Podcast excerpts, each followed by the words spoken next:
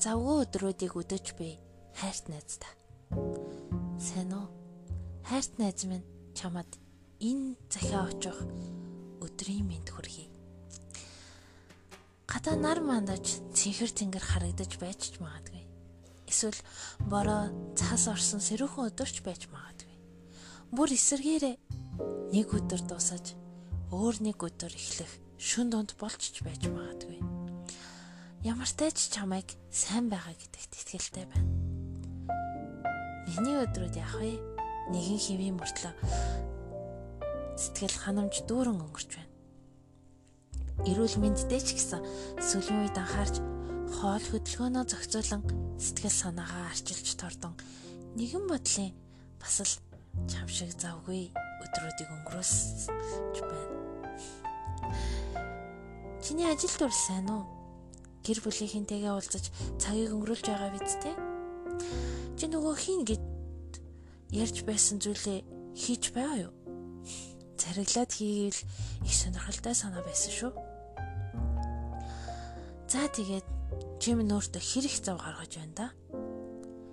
Хизээ хамгийн сүлд өөрийн хийхийг хүссэн зүйлээ хийсэн.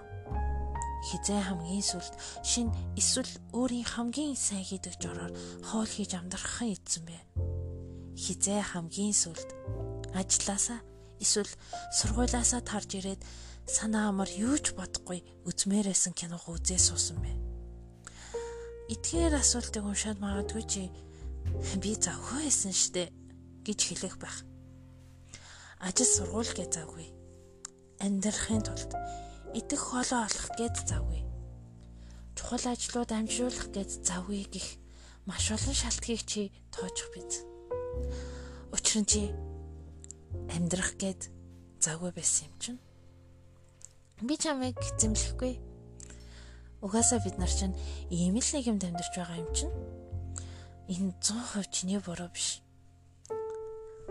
Гагцхөө ганц л зүйлийг чи сайн ойлгох хэрэгтэй. Энэ бол чиний бие.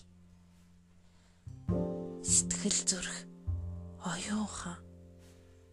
Аль нэг нь байхгүй болох тэр үед чи бусдыг эсвэл нийгмийн буруу гэж буруутгаад юу ч олж долоохгүй. Яагаад гэвэл чиний бие бол чамд байгаа цорын ганц өөх хөрөнгө эрдэнэт зүйл. Тийм ч учраас чиний өөх хөрөнгө эрдэнэт зүйлд ямар нэг зүйл болоход чи л хариуцлага хүлээн.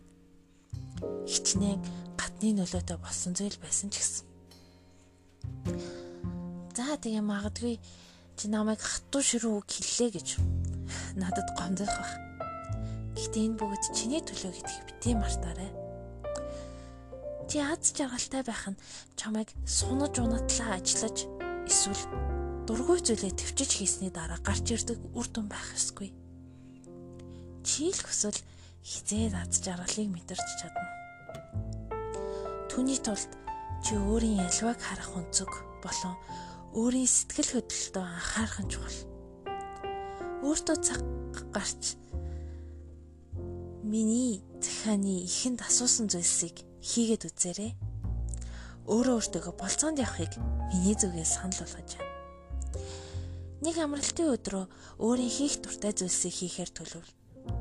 Болцооны төлөвлөгөө гаргаж тухайн өдрөө хүлээн сэтгэл тогтлон суух сайхан биш гэж үү? Би л аяллаа төлөвлөгөө гаргах дуртай. Өдрөө тоглоод интернетээр байрлах газраа хайж юу юу хийх юу идэх бүгднгийн төлөвлөн. Ямар ямар гой газар үзэж, гой зүйлс хийж болох гэхээс сэтгэл тогтлон төлөвлөгөө зохиох үедээ л аль хэдийн ад жаргалтай болчихсон байдаг юм. Хэрэг чи надад итгэхгүй бол туршаад үзээрэй. За өөр нэг санал зүйл санал болгох зүйл нь гой хоол идэх ямар хүн гоё амттай хоол идчихэд ууртай байгаад байх үлээ те. Боломжтой бол гоё ресторанд очиж болох хэдий ч нэгэнд боломж алдсных өөрөө хийвэл бүр хөвгчлөлтэй биш гэж үү? Болж өгвөл найз нөхөд Эсвэл гэр бүлийнхээндээ зориулж хийгээд хамтдаа холлогч бас муугүй санаа шүү. Хамгийн гол нь жишээ нь гой хоолыгээ сурчих нэ шүү дээ. За тэгээ дахиад зөвлөгөөнүүд зөндөө өгмөр байч энэ удаагийнхаа захиаг энд хүргээд дуусгая гэж бодлоо. Хамгийн сүүлд нь хэлэхэд чамайг өөрөө өөрийгөө аз жаргалтай болгож чадна гэдэгт бүрэн итгэж байна.